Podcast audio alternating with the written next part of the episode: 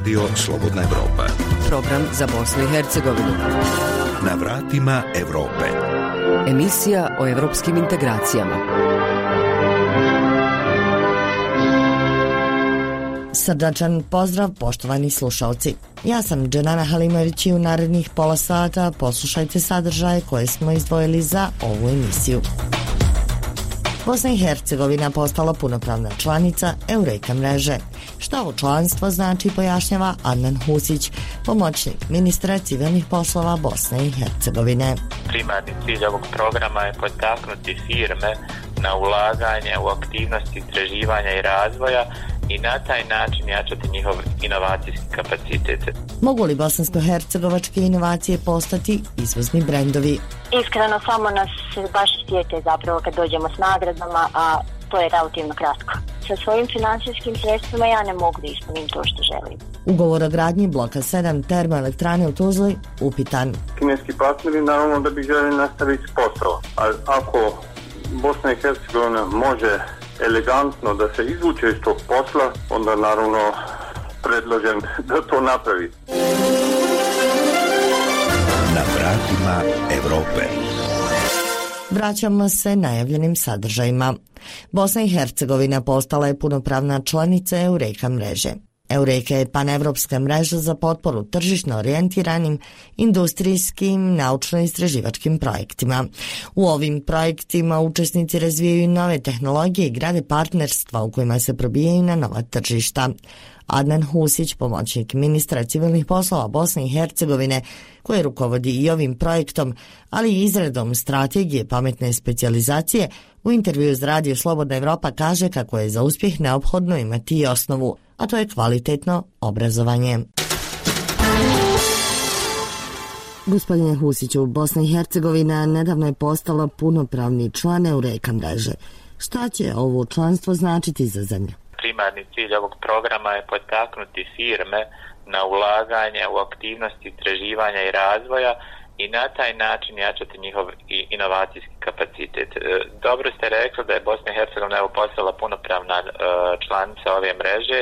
Mi smo 2009. godine, dakle kao država uključeni u ovaj program u statusu državne informativne tačke i institucije e, iz Bosne i Hercegovine dosad su sudjelovale u nekih 12 projekata sa ukupnim iznosom od preko 8 miliona eura za sve institucije iz naše i partnerskih zemalja E, šta mi dobivamo ovim članstvom, e, punopravnim članstvom u ovom programu, jača se učešće naših istraživača i naših istraživačkih institucija iz Bosne i Hercegovine u evropskom istraživačkom prostoru. Prije svega omogućava nam pristup finansiranju e, određenih projektnih aktivnosti. Dalje mreža će dakle se baviti poticanjem međunarodne saradnje, recimo zamislimo da su savršeni projektni partneri izvan naših granica i da je reka je evo iskustvo međuna, donosi iskustvo te međunarodne saradnje za mnoge organizacije koje učestvuju u ovoj inicijativi i potiče se širenje na nova tržišta. Dakle, mi ćemo imati e, mogućnost da se e, programe Eureke, pošto programe Eureke fokusiraju na istraživanje razvoj proizvoda, procesa i usluga bliskih tržištu, a recimo 45 zemalja u ovoj mreži, moći će se lako istraživati tržišta i Evrope, i Sjeverne Amerike, i Južne Amerike, Azije, od subsaharske Afrike. I dodatno ono što moram reći zaista, evo i na, nacionalni koordinator e, projekata koji je smješan u Ministarstvu civilnih poslova ima obavezu pružanja e, podrške istraživačko-razvojnim projektima, odnosno potencijalnim aplikantima za učešće u ovoj mreži. Namira je kompanije podstaći da ulažu inovacije. To se naslanja na koncept strategije pametne specializacije, čiji je krajnji cilj razvoj inovativne ekonomije. Šta bi za Bosnu i Hercegovinu trebali biti ključni elementi ove strategije, odnosno šta ona podrazumijeva? E, pa ako govorimo o strategiji pametne specializacije, možemo reći da je to jedan novi koncept koji spaja industrijsku, inovacijsku politiku, a sve u cilju jel, razvoja jedne inovativne, inovativne ekonomije. E, ova strategija pametnih specijal, pametne specializacije ili pametna specializacija je osmišljena tako da e, se e, identificiraju prioritetne oblasti koje treba podržati u nekom regionu ili u državi, a zasniva se jel, na analizi snaga i potencijala privrede i procesu političkog otkrivanja sa širokim učešćem zainteresovanih subjekata. Šta to znači? To znači da E, pametna specializacija bi trebala da poveže tu jednu inovativnu politiku sa tim izabranim prioritetnim oblastima, a u izabranim prioritetnim oblastima se e, prate i podržavaju inovacije u širem smislu, prvenstveno, ali ne isključivo vezane one za tehnološki napredak. Krajnji cilj, dakle, e, te strategije pametne specializacije od tog jednog novog pristupa koji je kreiran u Evro, unutar Evropske komisije u okviru uh, njihove politike jeste da se osnaži rast i da se otvore uh, nova radna mjesta. Podrazumijeva jedan, jedno partnerstvo i pristup od ozdo prema gore i dakle ta specializacija bi trebala da okuplja i javnu upravu i akademsku i poslovnu zajednicu i civilno društvo E, koje trebaju da imaju jedan zajednički zadatak implementacije jedne strategije dugoročnog rasta koja se zasniva na inovacijama, a jeli, uz podršku, podršku Evropske unije. Ukratko ova, e, da kažem, specializacija identifikuje snage i komparativne prednosti jedne države jednog regiona, specializovano, dakle, daje prioritet investicijama u i inovacijama u privrednoj oblasti koja je konkurentna za određeno područje ili za, za region ili za državu i strateški treba da definiše jednu zajedničku viziju za državne, dakle, e, odnosno regionalne, regionalne inovacije. E, do sada evo, u Evropskoj uniji je izraženo više od 120 ovakvih strategija e, pametne specializacije i dakle institucija koja vodi proces unutar Bosne i Hercegovine koja je zadužena od vijeća ministara je naša direkcija za ekonomsko planiranje koja e, poduzima određene aktivnosti da bi e, i Bosna i Hercegovina dobila jedno ovakav strateški pristup. Da bismo govorili uopšte o razvoju ove vrste, treba krenuti od osnove, a to je obrazovanje. E, da, svakako vi znate da je obrazovanje na neki način osnov svega. Eh, u tom kontekstu ja evo mogu istaći da smo mi prošle sedmice imali promociju jednog dokumenta strateškog tipa pod nazivom poboljšanje kvalitete relevantnosti stručnog obrazovanja i obuke u Bosni i Hercegovini za razdoblje od 21. do 2021. Eh, do 2030. godine. Ovaj dokument u suštini daje jedan strateški okvir u kojem pravcu bi e, stručno obrazovanje i obuka trebala ići u Bosni i Hercegovini, a u kontekstu ovoga o čemu ste govorili prilagodbe i obrazovanja tržištu rada, identifikovanja potreba od strane tržišta rada, ali i, e, ako tako mogu reći, školovanje jednog kadra koji će naći svoje adekvatno mjesto na tržištu rada, posjedujući znanja, vještine i kompetencije koje e, ti mladi ljudi koji izlaze iz obrazovnog procesa mogu koristiti na tržištu rada. Ovaj nam je dokument značajan iz razloga što mi, evo možemo reći, u Bosni i Hercegovini imamo e, oko 70% djece koji pohađaju stručno obrazovanje i obuku. Mi moramo razviti njihove kompetencije i jezičke, i naučne, i digitalne, i poduzetničke, i kulturalne i, i interpersonalne da bi oni mogli naći svoje adekvatno mjesto na tržištu rada i da bi mogli te kompetencije e, koje steknu u obrazovanju adekvatno koristiti doprinoseći razvoju, ekonomskom razvoju i svakom drugom razvoju jednog e, društva. Koliko je to primjenjivo u Bosni i Hercegovini s obzirom na rastjepkanost obrazovnog sistema?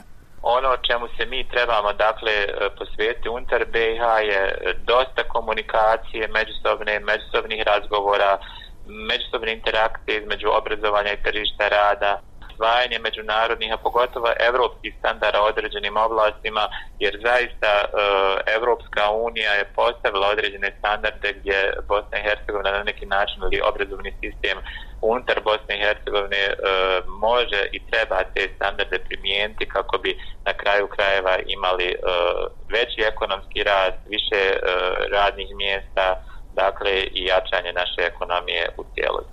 Kad kažem obrazovanje, onda mislim dakle i na akademsku zajednicu i na e, stručno obrazovanje, ljude koji dolaze iz oblasti stručnog obrazovanja, ali i povećanje recimo obuhvata preškolskim odgojem i obrazovanjem, jer je preškolski odgoj i obrazovanje temelj e, svega. Jedan od velikih problema u Bosni i Hercegovini je upravo ta mala stopa prisutnosti djece u predškolskom obrazovanju. Koliko su tu važne strategije?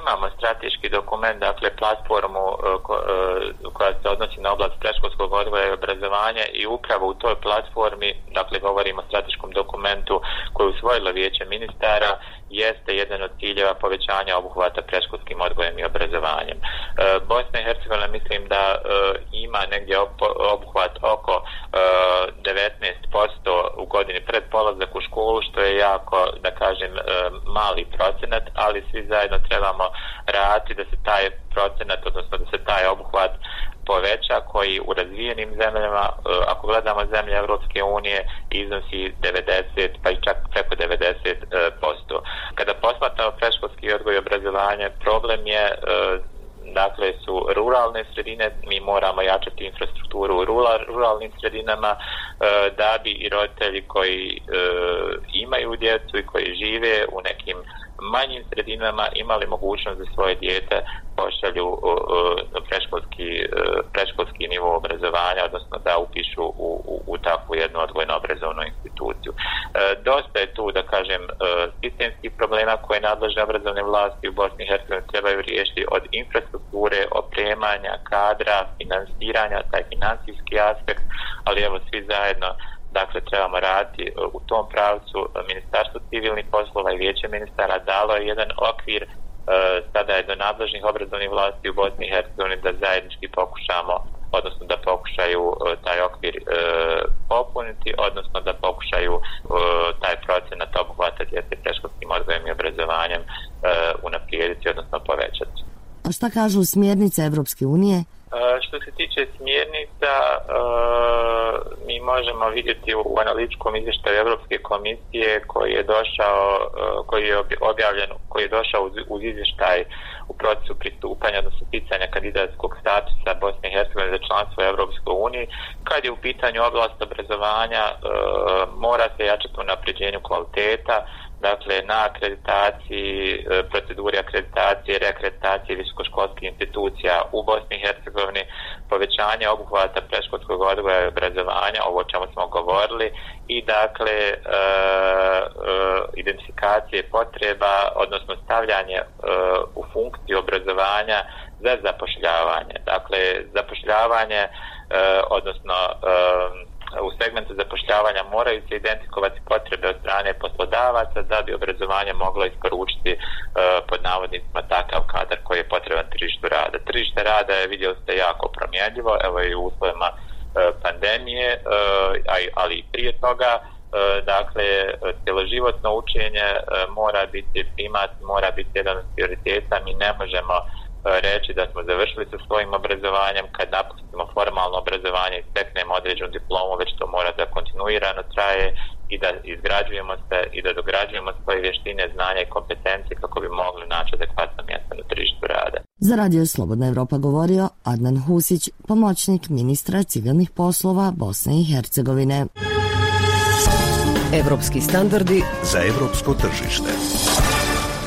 Ostajemo još malo kod naučnih projekata koji bi Bosni i Hercegovini mogli pomoći da izgradi međunarodno prepoznatljive proizvode. Naime, inovatori koji su prije nekoliko mjeseci iz Nigerije donijeli pet zlatnih medalja vjeruju kako je uz malo podrške i razumijevanja patente i proizvode koje predstavljaju moguće pretvoriti u vrijedne izvozne brendove. Priča Alena Bajramovića. U pravo vrijeme, dok pandemija koronavirusa zadaje glavovolju cijelom svijetu, Sašenko Sadiković iz Ljubuškog patentirao je antivirusnu zaštitnu masku. Njegova inovacija nagrađena je nedavno u Turskoj, a zlatnu medalju Sašenko je osvojio i u Nigeriji. Kaže da je to samo jedna od 35 zlatnih i isto toliko srebrnih medalja sa međunarodnih sajmova i izložbi koje osvaja i kao penzioner. Otkriva u čemu je tajna njegove antivirusne maske.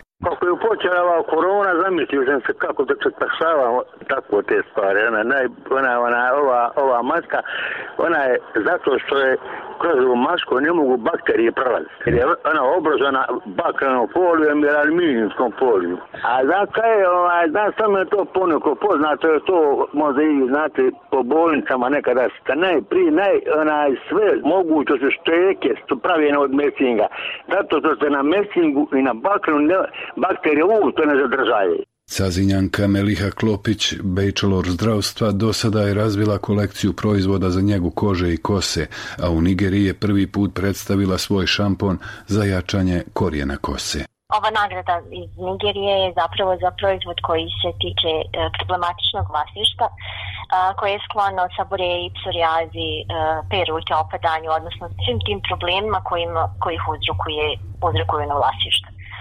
Ona, I moram da kažem da sam zaista ona, ponosna na, na ovu nagradu zato što evo, e, istraživanje sam bila zaustavila nekako na početku korone i drago mi da sam uspjela da sve to završim, da završim patentiranje proizvoda i evo zapravo i da ga predstavim na ovoj prvoj izložbi inovacija.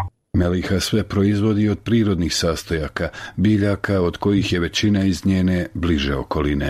Pokušavam ono da se vratim onom iskonskom nekom uh, i da iz prirode iskoristimo ono što je najbolje.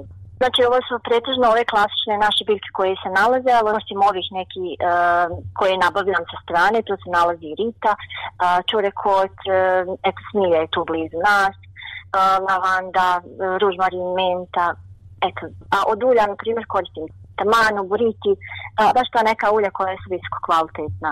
Arganovo ulje, badimovo, pšenične klice, Nađa Zupčević zlatnu medalju osvojila je za antibakterijsku toaletnu dasku koja radi na principu senzora koji detektiraju pokrete, aktiviraju svjetlo koje opet aktivira antibakterijski film. Izuzetno koristan izum ne samo za javne toalete nego u budućnosti i za sve površine kojima u toku dana pristupa veliki broj ljudi. To je inovacija koju sam patentirala u Bosni i Hercegovini koja ima za cilj da poboljša nivo higijene u javnim toaletima njene karakteristike su da uništava 99,8% bakterija, može da traje od 5 do 10 godina. Moj cilj je na bazi antibakterijske daske za toalet da kreiram i razne druge predmete koje bi mogli raditi na istom principu kao, kao antibakterijska daska, kao što su, na primjer, drške za vrata, utičnice i o, ostali predmeti koji se koriste u klinikama i bolnicama za koje je bitno da, da, da nemaju bakterije o, na sebi. Na izložbi u Nigeriji nagrađeni su inovatori iz Trebinja, Borko Babalj za voćni sok za otapanje glutena i Dragan Spajić za troslojnu termoskošnicu koja je mnogo lakša, jeftinija i toplija od klasične. Naši sagovornici, ali i brojni drugi inovatori iz Bosne i Hercegovine nemaju mnogo razumijevanja od strane države, ali ni domaćih kompanija. Zbog toga put ka tržištu uglavnom pokušavaju pronaći sami. Nađa Zupčević ono što ja planiram ove godine, uh, kada je u pitanju moja inovacija, jeste da pokrenem crowdfunding kampanju uh, sa kojom bi željela da prikupim novac za kalpe i onda da to ponudimo uh, nekoj firmi pa da vidimo na koji način možemo sarađivati da se, uh, da se pusti prva serija. Meliha Klopić svoj mali privatni posao gradi već 12 godina, a do sada su samo tri njena proizvoda dospjela na police jednog od prodajnih centara. Ja mogu da iskreno kažem da je zapravo nama pa skoro jedina asocijacija inovatora koja nam, koja nam daje taj neki vjetar u leđa i podstiče nas da, da svoje ideje sprovedemo u dijela, a u biti iskreno samo nas baš sjete zapravo kad dođemo s nagradama, a to je relativno kratko. Sa svojim financijskim sredstvima ja ne mogu da ispunim to što želim. I ono u biti sad kad bi našla nekog partnera koji bi sudjelovao u, u razvoju i u rastu mog biznisa, s obzirom da imam jako kvalitetne proizvode, ja mislim da se tu mogu puno, puno napraviti više.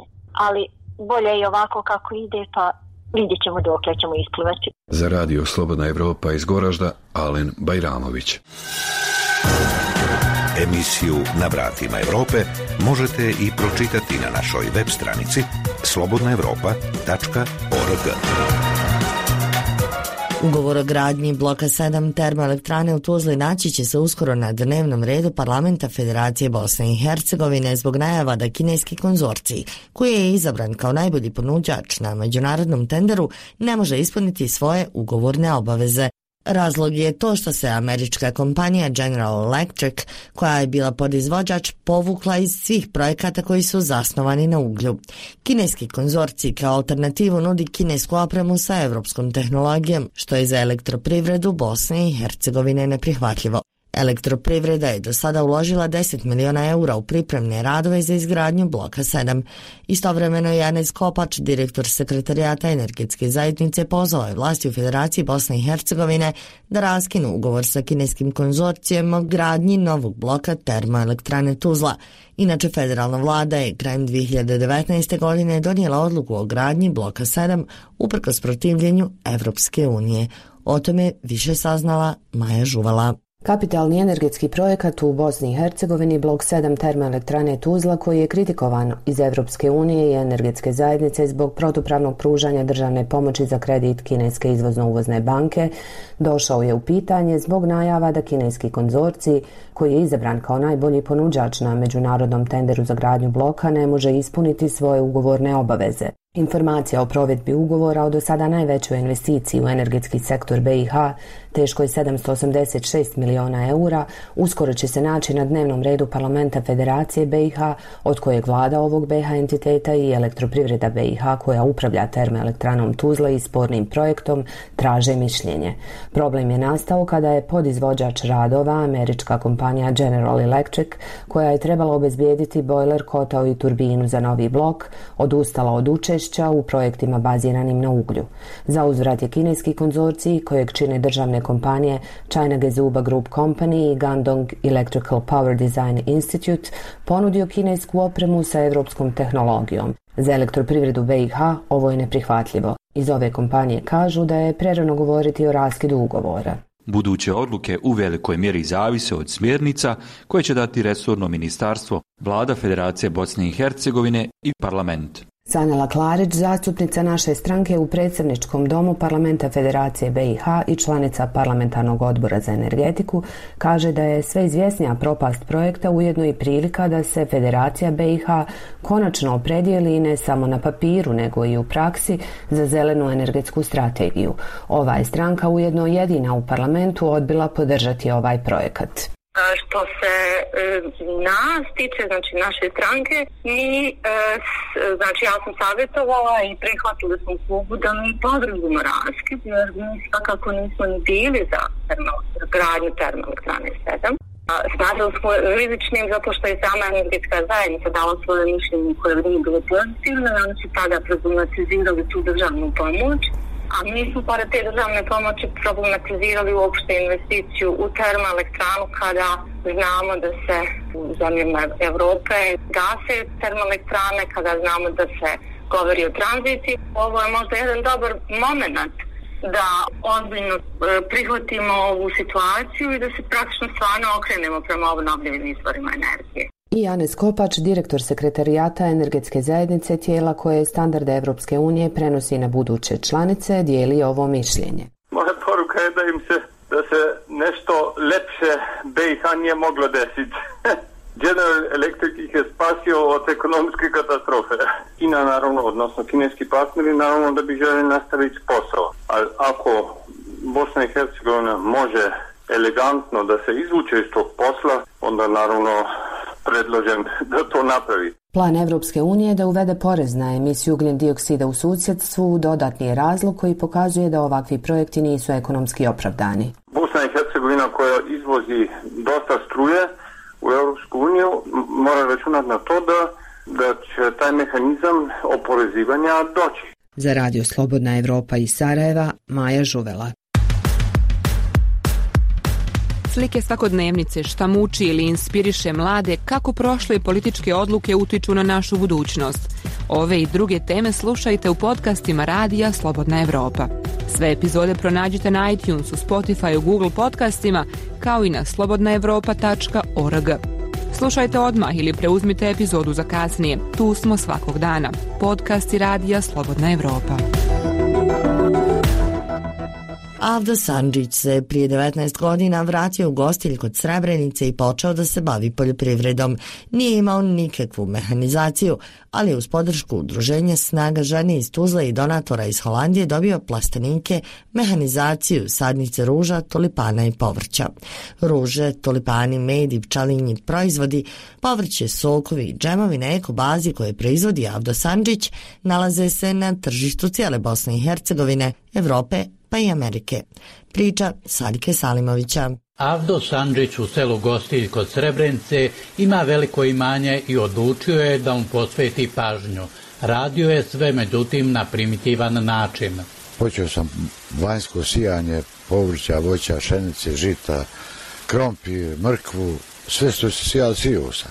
Sve na motiku sam radio i plaćao i oranje i sve živo sam plaćao ono, na motiku ono, baš ono prijašnji u 18. 20. vijeku što se radilo.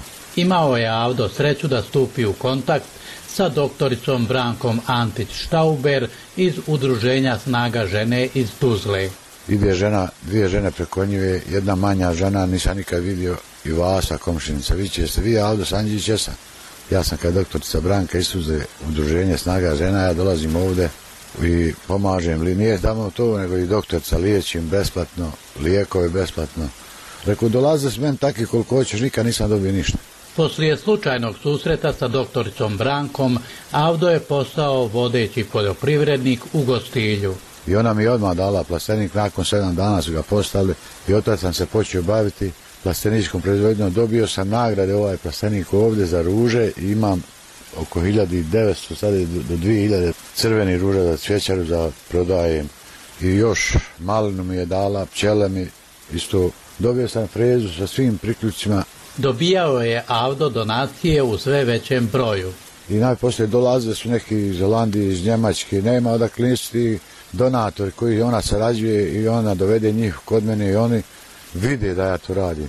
Jednim dali su frezu sa priključima, jedni kopačicu, jedan plastenik sam ovaj dobio, što je ružan, u njemu ne smije ništa drugo satam ružu da proizvodim pa sam imao oko 3600 tulipana, 15.000 glavica sam sadio tulipana. Kada je počeo proizvoditi na veliko, trebalo je obezbijediti tržište. Veliku reklamu dobio je kada je poklonio znatnu količinu tulipana opštini Tuzla. Jezero Panonsko se u tu zatvarao, naši su tulipani ukrasili jezero.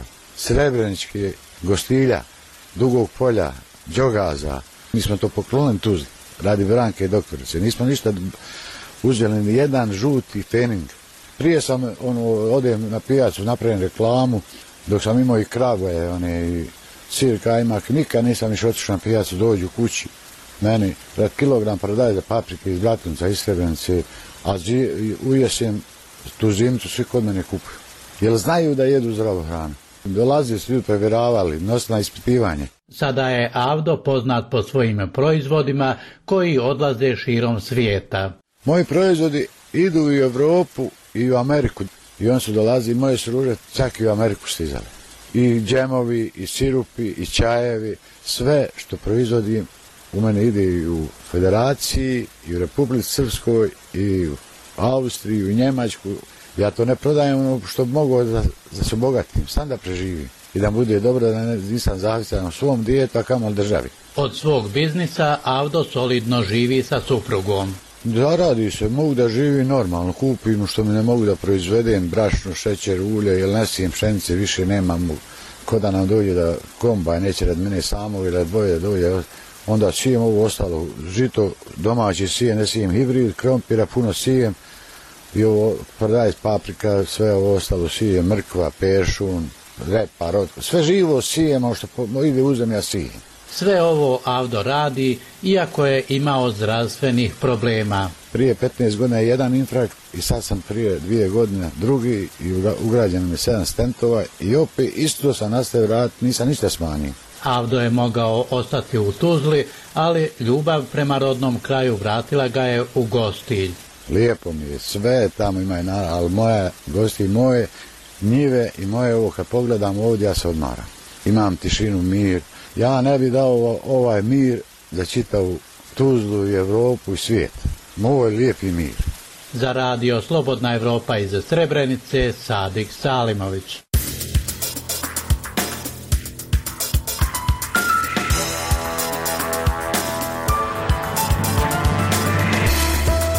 Došli smo i do kraja ovo sedmične emisije. Pratite zanimljive sadržaje i dalje putem Radio Talasa i naše web stranice slobodnaevropa.org. Podcaste za viri ispod površine, glasu mladih i između redova, osim na web stranici možete naći na Facebooku i Twitteru, kao i na Spotify, Google podcastima i iTunesu. Ugodan ostatak dana žele vam Svjetlana Petrović i Dženana Halimović.